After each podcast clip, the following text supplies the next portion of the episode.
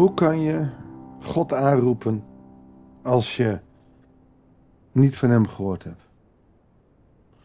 Paulus gaat door met de vraagstukken die hij de afgelopen weken, oftewel die hij natuurlijk al heel lang geleden, maar die wij afgelopen week in uh, Romeinen 19 zijn tegengekomen.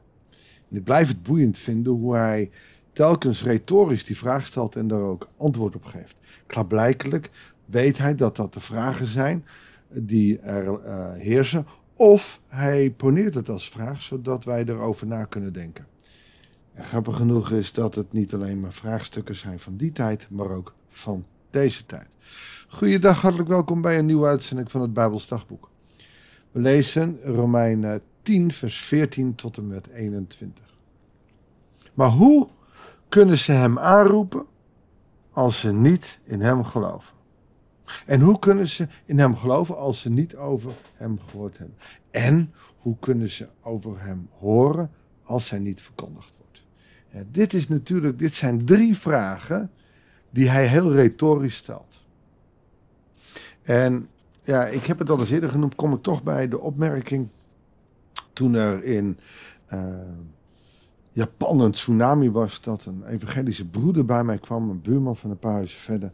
En die zei, goed hè, dat het daar gebeurd is. Weet je, het is de straf voor de heidenen, die overstroming en dat ze daar sterven. Dat is echt de straf voor een zonde, omdat ze Jezus niet hebben aangenomen. En het bleef even stil. Waarop ik tegen de buurman zei, maar die straf heb ik verdiend. Hij zei, doe normaal, je woont in Nederland. Waarom? Omdat ik het hen niet heb verteld.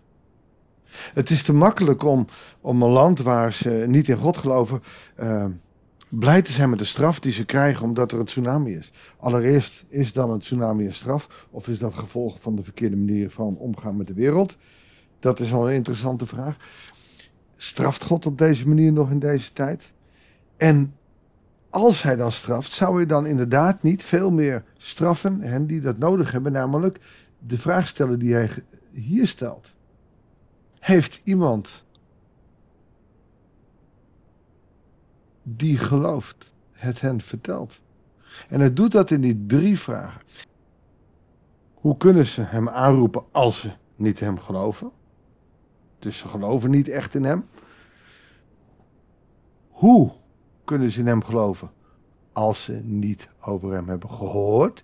Oftewel, jij hebt het ze niet verteld. Dus hoe kun je het hun kwalijk nemen? Ze kunnen niet gaan geloven, want jij hebt het niet verteld. En hoe kunnen ze over hem horen? Als hij niet verkondigd wordt, jullie houden het alleen voor jezelf. Dat is een spannende reeks vragen.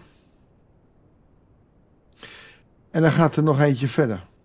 En hoe kan iemand verkondigen als hij niet is uitgezonden? En dit is een kritische vraag op de hiërarchische vorm. Voor zending hebben we zendelingen. Voor het evangelie verkondigen van de preeksel hebben we dominees. Voor het bezoeken van de mensen hebben we ouderlingen. Voor het geld hebben we de diakenen.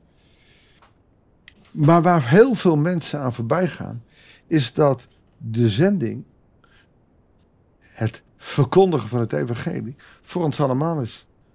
Want de boodschap die hij geeft bij zijn afscheid, voordat hij naar de hemel gaat, is niet voor de discipelen, is voor ons allemaal. En terwijl je onderweg bent, wat je ook doet, vertel dat wat nodig is, namelijk de blijde boodschap. Nou, dat is geweldig nieuws, maar dat betekent allemaal. Wij allemaal zijn gezondenen. Dus retorisch stelt hij zich de vraag. En dan komt hij met een opmerking. Toch hebben slechts weinigen aan het evangelie gehoor gegeven. Bam. En dan komt hij terug bij Jesaja. Heer, heeft iemand geloof wat wij hebben gezegd? Dus door te luisteren kom je tot geloof. Dan heb je dus ook sprekers nodig. Gezondenden. En dat zijn we allemaal. En wat men hoort is de verkondiging van Christus. Maar dat is mijn vraag. Hebben ze de boodschap soms niet gehoord?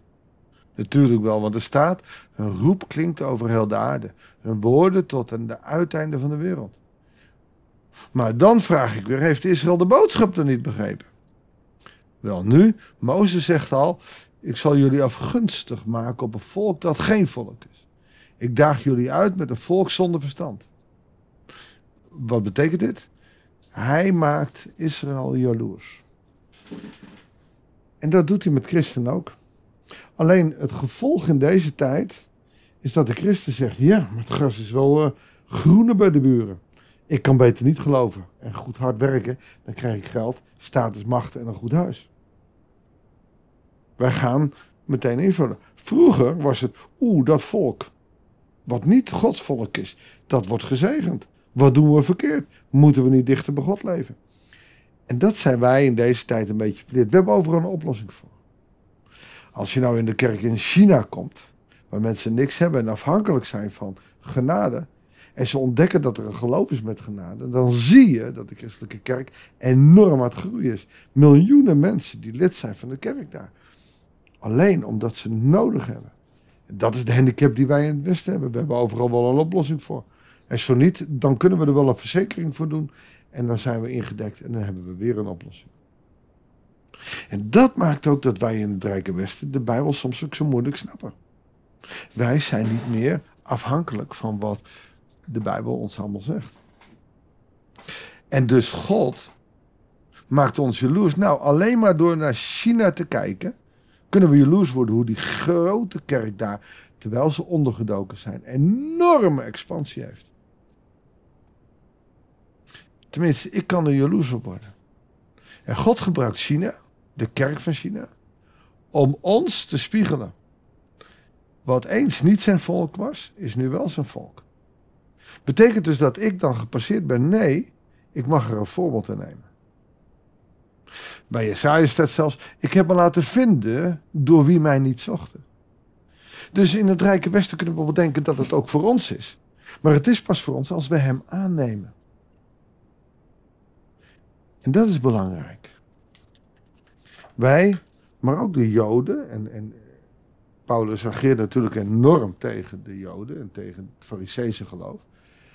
Maar ook wij zijn daar goed in. Nou, we gaan altijd naar de kerk, we zijn opgegroeid, dus nou, dit is voor ons en dat is verder oké. Maar hoe kunnen de Chinezen dan een sterke geloof hebben? Omdat zij dat persoonlijke geloof zich toe-eigenen elke dag weer. Omdat zij het zo hard nodig hebben. En dat is het grote verschil. Ze zijn niet beter dan ons, maar ze hebben dat verlangen naar hoop. En in deze wereld, ook in het rijke Westen, waarin de hoop ver te zoeken is, zijn wij helemaal niet op zoek naar hoop. Maar hebben we zoiets, we komen er wel. Want God heeft zich bekendgemaakt. En dat heeft hij onder andere door het evangeliseren. Maar hij doet het ook aan via de geesten aan mensen zonder inbreng. Ik heb hem bekendgemaakt aan wie niet naar mij hebben gevraagd. En bij Isaiah staat over is al heel de dag heb ik mijn handen uitgestrekt naar mijn ongehoorzaam en opstandig volk. En het antwoord? Ze hebben het niet aangenomen. En deze laatste vraag is weer een hele mooie opstap naar morgen. Alleen die lezen we niet, want dan is het zaterdag. En lees dan maar eens wat hij daar als retorische opmerking begeeft. Dan is nu mijn vraag, zegt hij. Want ik ga dus even te ver. Heeft God zijn volk soms verstoten? Nee, beslist niet. Paulus zegt dan, ik ben zelfs een Israëliet, een nakomeling van Abraham. En dan gaat hij door en dan gaat het er Paulus om dat wij die persoonlijke aandacht, die persoonlijke relatie met God. Wij moeten niet een religieus besef hebben, we gaan naar de kerk en bidden af en toe.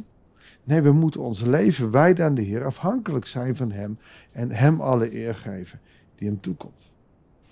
En ik denk dat dat van enorm groot belang is. En dat het grote verschil ook met het Jodendom. Laten we daarvoor bidden en laten we daar dit weekend eens voor nemen om daarover te mijmeren.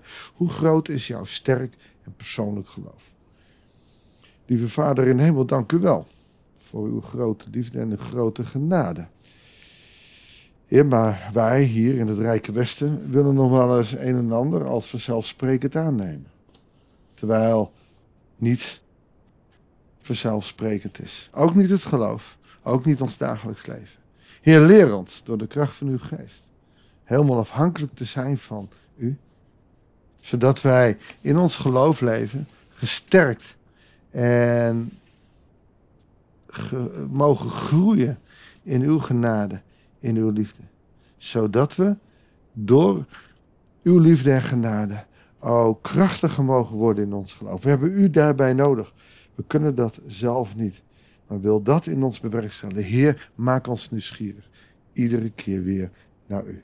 Dat bidden we u in Jezus' naam. Amen. Dankjewel voor het luisteren. Ik wens je een hele goede dag, goed weekend. En heel graag tot volgende week, tot een nieuwe uitzending van het Bijbels Dagboek.